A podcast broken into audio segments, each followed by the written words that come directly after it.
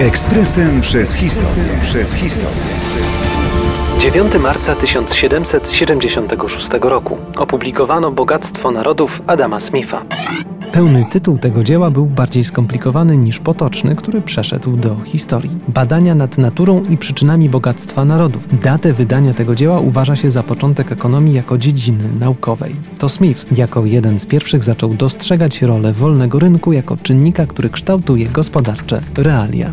W zasadzie książka to lista argumentów za tym, że to wolny rynek jako mechanizm samosterujący gospodarką jest najlepszym systemem. Już sam ten fakt dowodzi, jak nośna stała się myśl Smitha w kolejnych stuleciach.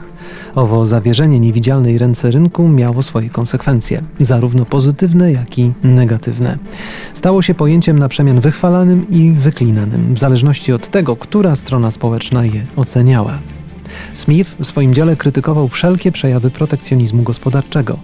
Najbardziej dostało się kupcom, zazdrośnie strzegącym swych interesów, ale właściciele ziemscy również zostali przez Smitha skrytykowani. Smith wyraźnie nakreślił obowiązki nowoczesnego państwa. Miało ono przede wszystkim chronić przed przemocą i inwazją innych państw, chronić obywatela przed niesprawiedliwością lub opresją ze strony innych obywateli. Sfera edukacji, zdaniem Smitha, powinna mieć wyłącznie użytkowy charakter. Na zasadzie, jeśli potrzebujemy 100 specjalistów z danej dziedziny, kształćmy 100, nie więcej. Bez względu na ocenę metodologii Smitha trzeba uznać tę pracę za kluczową w historii ekonomii.